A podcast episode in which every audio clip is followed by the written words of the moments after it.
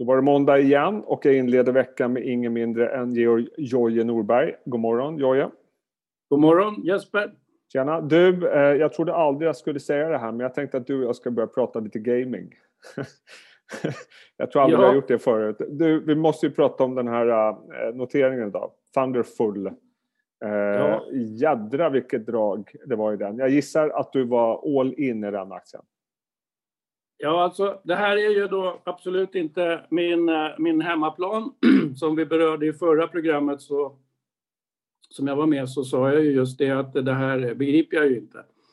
Men det här eh, att teckna den här aktien gjorde jag ju dock lika fullt eh, vad det gäller då visionsfonden för småbolag.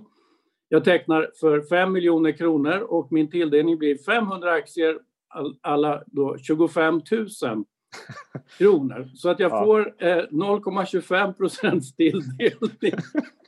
Och vad jag vill berätta med det är väl egentligen bara att eh, ja, jag, klart, jag är nog ingen prioriterad kund. Men eh, jag kan väl också konstatera att det här är ju glödhett alltså. Ja, så är det. Och, ja, och Embracer som eh, skördar nya eh, framgångar varje vecka en aggressiv förvärvsstrategi och en supertrevlig och kommunikativ VD. Det har nog stor betydelse också med Wingefors som bor hemma i Värmland och eh, samlar på allt möjligt kul.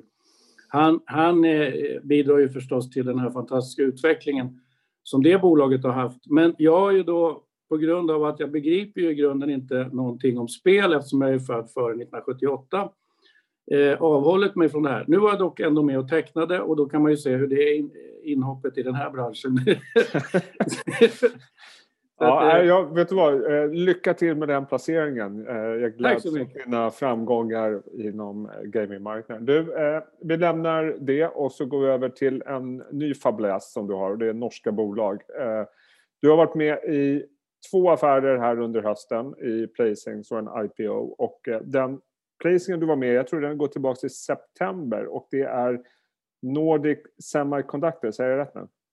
Ja, det ja. stämmer. Eh, det är ju då ett eh, bolag som eh, jag kanske då begriper lite mer om. Det handlar ju om IoT, Internet of Things, och där har vi då det här bolaget som gör små tags som ska kunna sitta i en brödrost eller något annat då och kunna kommunicera det här eh, är ju lite i framtiden då förstås, men det börjar ju hända nu och eh, nu börjar ju marknaden positionera sig och då ser det ut som att det här lilla bolaget ligger helt rätt med sin produkt som eh, då skulle kunna bli, och det här är ju häpnadsväckande, men här kan vi tala om miljoner sådana här små tags som kan installeras.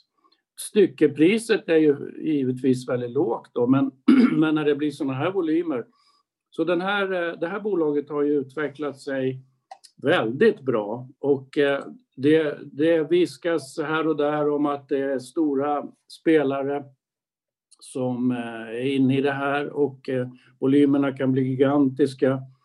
De har design wins så att eh, jag fick tilldelning i IPO och sen så dubblade jag den när den började handlas. Mm. Och det har varit en lyckat drag då hittills. Så den eh, är ju en av de bästa placeringarna under hösten. Här. Ja, otroligt stark kursutveckling men dessutom om man tittar på siffrorna både lönsamhet och, och tillväxt så har det också varit en fantastisk utveckling. Så det känns ju som att det går riktigt bra för det där bolaget. Kul att se att du ändå liksom kila ner dig i techsektorn. Det tycker jag är väldigt intressant. Du, en annan eh, norsk bolag som kom in på börsen, vad var det? Det var bara häromdagen va? Eh, det är, eh, hur tar man det? Cadeler. Jag tror ja. att de har huvudkontor i Danmark men noterade i Oslo, ja, eller hur? Det, det, är då ett eh, bolag med säte i Danmark, men eh, som väljer då, eftersom det tangerar shipping, att notera sig på Oslobörsen, för det är ju den eh, absolut eh, bästa kunskapen kring shipping som vi har i Norden, det finns ju i Norge. Norrbaggarna, de har tradition så eh, fiskar de och de bygger skepp och sen så har de ju historiskt då inte hållit på så länge med det här med olja, men det har ju varit eh, väldigt fruktsamt kan man ju konstatera. Cadeler då, eh, samma sak där. Det då eh, fick tilldelning i, den och eh, eh dubblade upp den också. Och, men här har vi en helt annan story. Det här handlar ju om ESG då, det är hållbart. Deras båtar ska då åka ut på havet och där eh, bygga vindkraftverk utan att förankra dem i havsbotten. Eh, eh, det här är ju förstås superintressant för då öppnar ju sig helt andra möjligheter. Eh, nu är ju norrmännen väldigt duktiga på, på det här allmänt då så att det, det här kommer väl de att hantera också. De bygger ju plattformar som är flytande och eh, det blir ju samma sak med det här. Jag vågar ju inte riktigt eh, eh, tänka på hur man i praktiken ska åstadkomma ett vindkraftverk som inte sitter fast i botten, men eh, de påstår sig ju kunna göra det då. Så det här får vi en kombination av Norge, lite spännande, och eh, väldigt hållbart då. Eh, om jag är lite fräck, eh, jag anar inte, nu har vi pratat gaming, Internet of Things och ESG här med, med Jojje Norberg. Anar jag lite FOMO bakom det här? ja, det här det är inte riktigt vad du har ju varit inne i tidigare om man säger så. Nej, det här är ju inte mina paradgrenar. Mm. Men, eh, men man får ju spela bollen där den ligger. Och eh, nu så är jag väl kanske på eh, uncharted territory. Men eh, det här är ju då positioner som givetvis inte är mina top picks då, utan jag håller dem här på 2-3 procents portföljvikt. Mm. Okej, okay, bra. Vi ska följa det här med stort intresse, det kan jag lova dig. Eh, hur du går in i det här. Du, jag tänkte, du var ju, jag tror du och jag snackade senast någon gång i början av oktober. Eh, det har hänt vansinnigt mycket sedan dess. Vi har haft ett presidentval, vi har framförallt haft eh, eh vaccinnyheter på löpande band som varit positiva. Eh, och jag menar, om jag tittar nu, vi har pratat om det tidigare program, börsoptimismen är på topp. Inflödena är rekordstora. Investerare ligger långa. Fear and greed, som, som jag vet att du skickar med en graf på, ligger på supergirigt just nu. Eh, vad är det som ska stoppa det här? Förutom, jag visst, det går upp, upp, upp, men hur resonerar du? Ja, jag fick frågan förra veckan också i ett annat forum och eh, då kan det ju så att säga lösa sig på två sätt. Den här hastighetsmätaren var ju uppe på 93 och den mm. färska noteringen där var 89. 93 till 89, det är alltså eh, hastighetsmätaren har gått ner lite. Vad beror det på? Jo, det beror på att vi gick sidledes en vecka. Och, eller en dryg vecka. Och vi går ju till exempel inte upp idag heller. Så att eh, det här kan ju lösa sig på det sättet att vi just går sidledes, då lugnar det ner sig. Det kan ju också eh, lösa sig genom att vi får en större nedgång. Men då måste jag ju ändå gissa utifrån då december månad. Är det en månad då det brukar bli oroligt att gå ner, alltså att börsen går ner? Nej, det är ju inte det. Alltså vi har nu fram till Lucia på oss här att vara aktiva. Sen eh, så blir det ju klart skepp här och eh, alla stänger sina böcker mer eller mindre. Så att December är inte månaden för stora nedgångar. Eh, det har hänt, men 82,5 procent tror jag det är av decembermånaderna är på plus. Så det är inte en sådan månad. Däremot har jag ju varit med om vid ett antal tillfällen när det just har varit så här starkt under en längre period, att i januari så eh, blir det någonting som verkligheten kommer ifatt oss. Så att innan Q4-rapporterna så blir man nervös och darrig och eh, man har de här uppgångarna med sig. Det är nytt år. Eh, vilket också spelar in i det här fallet just vad gäller december att eh, sådana kortsiktiga placerare, hedgefonder och liknande, de brukar neutralisera det mesta. Vi har ju också en händelse här nu med PPM-pengar. Nu har deras betydelse avsevärt minskat. Men det är lik förbaskat ett antal miljarder som, som kommer in här på börsen i vad det gäller Stockholmsbörsen. De eh, flesta PPM-sparare eh, ligger väl i soffan där de har en, en världs... Eh, eh eller som, där de eh, investerar över hela världen. Men de som har gjort aktiva val själva har ju av tradition till exempel då valt Idner och Gerge som var med där från början. Så de får ju stora inflöden här. Och, eh, men sen är då i januari, så att Risken är väl att vi får en rekyl i januari helt plötsligt då, kanske. Om jag ska gissa någonting. Samtidigt, det är ju liksom det, det historiska mönstret, men det här mönstret som vi ser nu. Nu kommer vi dessutom i januari få eh, vaccin som rullas ut och det är ju liksom det som hela världsekonomin går ja. och väntar på. Visserligen har mycket av det kanske prisats in, vad vet jag. Men, Ja, det- det- det, det finns ju liksom ett pärlband av positiva nyheter framför oss. Ja, anledningen, den viktigaste anledningen till att från det att vi sågs förra gången och nu så har vi haft en dramatisk uppgång på börsen. Det är ju vaccinnyheterna. Och det var ju revolutionerande bra data som Pfizer då kom med och då hoppade ju börsen upp 5% Det här har vi ju så att säga diskonterat nu i värderingarna, att vi har fått vaccin som är potenta. Ja. Men vad vi inte har diskonterat, vilket jag tycker mig nu se lite tecken på, till exempel så sa ju Pfizer, att det kan inte bli 100 miljoner doser till jul, det blir bara 50 för att vi hade för lite råvara. Nu kommer vi in i att det här ska omsättas i praktiken. Och det igår på Agenda till exempel så hade vi då de svenska regionerna som uttalade sig kring hur de ska lösa det här då.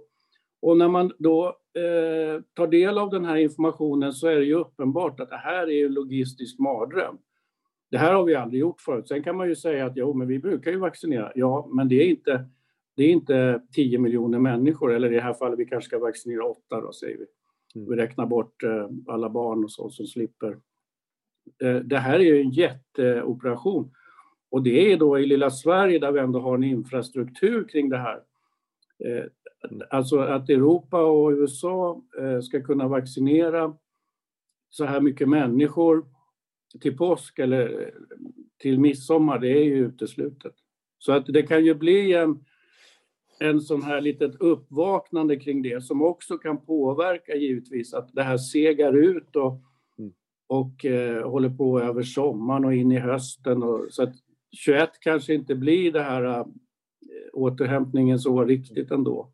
Men, men om man tittar på vad som har hänt då som, eh, sen Pfizer-nyheten och det här har vi ältat överallt i alla möjliga kanaler, det här med sektorrotationen. Men du, när du var här, du pratade, jag tror bland annat Veoneer, Millicom och Kinnevik. Åtminstone de två av dem, eh, Veoneer och Millicom, är väl klassiska vinnare på den här sektorrotationen. Vilket också se, syns i hur otroligt starkt de har gått sen du och jag Ja. snackades vid senast. Att jag tog upp de tre beror ju på att det är då mina tre, eh, det var vid den tidpunkten mina tre bets som jag har en ordentlig portföljvikt i. Det, är ju, det här är ju lite större bolag. Och eh, eh då är det ju uppenbart så att eh, vi är ner positivt kring eh, rotation mot cykliskt. Millicom rotation mot att man i eh, Sydamerika får sommar nu och eh, därigenom eh, smittspridningen går ner. De börjar också komma tillbaka lite grann allmänt. Och, och Kinnevik, eh, ja det är hela det här online infernot får man väl kalla det för. Där alla handlar på online. Där till och med deras eh, bolag GFG, Global Fashion Group, har, har susat upp och, och gått riktigt bra då. Zalando, ja det, det, det rusar ju på också. Så deras underliggande innehav har ju, har ju då eh, exploderat. Det har ju till och med då inneburit att Kinnevik handlades på, handlas på en premie, vilket nog är i det fallet kanske lite befogat eftersom när trenden är så stark så är det klart att man kan ha premie på ett investmentbolag som är så dedikerat till online som just Kinnevik är. Men hur hanterar jag det här? Ja, då är det så att i Kinnevik så är jag ganska nöjd. Så där halverade jag innehavet. Jag vill ha kvar, men den har ju växt på så mycket. Det var väl till och med så att det kanske blir OMX 30s bästa bolag i år. Och eh, därför har jag halverat den.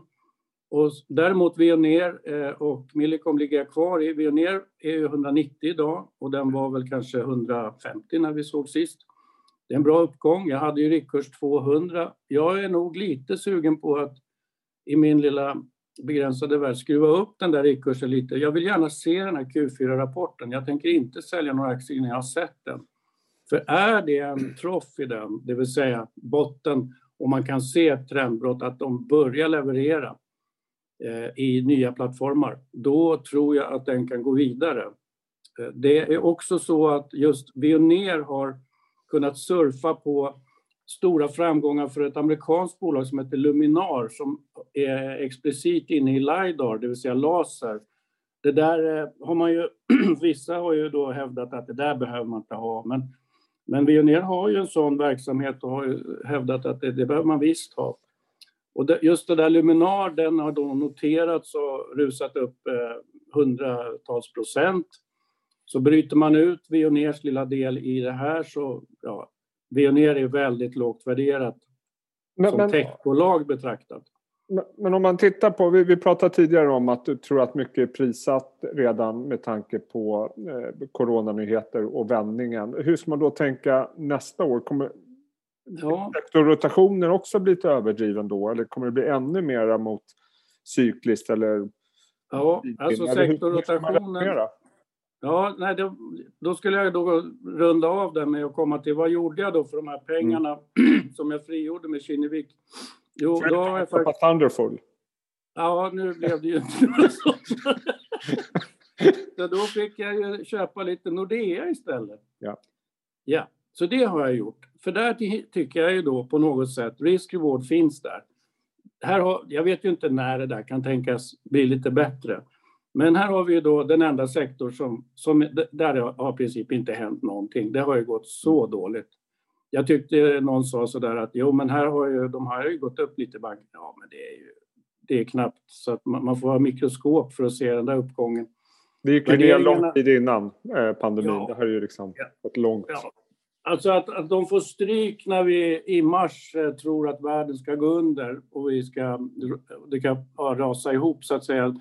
Det har ju inte kommit, det har inte blivit så. Alltså kreditförlusterna är otroligt beskedliga. Förvånansvärt låga, tycker jag. Ja, Handelsbanken hade inga. Och varför, varför är det på det viset? Då? Ja, det beror ju på att deras utlåning är ju till eh, eh företag som går bra och sen så är det då hushållsutlåningen då vad gäller boende. Och det är inte den gruppen som har drabbats så hårt. Skulle det här hålla på eh, långt in i nästa år och arbetslösheten permanentas i medelklassen, då skulle det kunna bli lite kreditförluster förstås.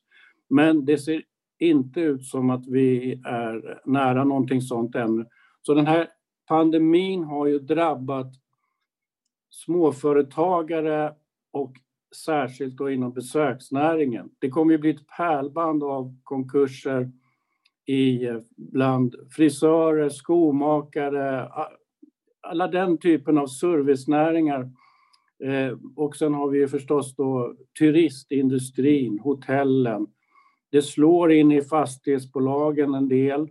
Det kommer att skapa nya trender vad det gäller kontor där och jobba hemma. Men ingenting av det där drabbar ju egentligen bankerna. Fastighetsbolagen skulle ju kunna göra det, men de har ju fandat sig i obligationsmarknaden, så ja. det är den som får ta smällen. Ja. Så, så bankerna, du, och, varför, eh, mm. och varför har de gått ner så mycket? Ja, det viktiga skälet till det är en oro för kreditförluster. Och sen är det ju förstås det enkla att man tog bort uh, utdelning. Vi fick ju ingen utdelning. Men, men samtidigt har ju, om man tittar på nedgången ur ett längre perspektiv så just nu så har det gått ner på utdelningen och eh, risk för, eller oro för kreditförluster. Men den här nedgången har ju pågått länge och det har varit liksom, strukturella utmaningarna är ju ja. väsentliga. Ja, det är de. Och, och det, där, det har du ju en stor poäng med. De regulatoriska förändringarna som har skett i, i och särskilt då vad det gäller penningtvätt är ohyggligt kostsamma. Det är ju då en tillväxt, eh, om man vill eh, vara garanterad att få ett arbete efter sina studier så är compliance och risk ett säkert kort. Eh, det är ju en enorm efterfrågan på den typen av kompetens. Så bankerna har ju fått på sig stora kostnader i anslutning till det här. Men ska man då tänka att det bara är linjärt? Nej, jag tror inte att man kan man kan eh, reglera så mycket mer faktiskt. Det, det är tusentals människor som arbetar med det här och äh, jag vet inte. Okay. Jag tror att bankerna kan äh, hantera det faktiskt. Jag tror det viktiga för äh, värderingen av bankaktierna är just det här med utdelningen. Och tyvärr är det väl lite olika budskap där var och varannan dag. Hur ECB resonerar kring det här, för jag tror att Finansinspektionen i Sverige kommer att följa det ganska noga, vad man bestämmer där. Men jag valde ändå att välja Nordea eftersom jag tror att ECB kommer att ha en mjukare inställning till det här. Och ser man då på pensionsfonder och liknande så måste ju de söka avkastning och här är det ju, om utdelningen återställs, en bra direktavkastning. För det var det som vi värderade bankerna på tidigare. Commodities ja. med en bra direktavkastning. Bra. Det får Oj, bli... jag pratar mycket. Ja, men det är ju som en, eh, jag ska inte säga godnattsaga, det är ju roligt att lyssna på det, men det är, det är bara fridfullt att sitta här och lyssna på dig. Eh, kul att snacka med dig Jojje. Eh, framförallt lycka till med dina, med dina exploateringar i gamingindustrin. Det ska bli kul att följa upp eh, det där tycker jag. Ja. Eh, och eh, ja, bankerna, vi får se. Ja, vi får anledning att återkomma om det tror jag. Eh, sköt om dig Jojje. Och eh, ha en riktigt härlig jul och ett eh, gott nytt år. Tack Jesper, så ses vi nästa år. Det gör vi. Sköt om dig. Hej.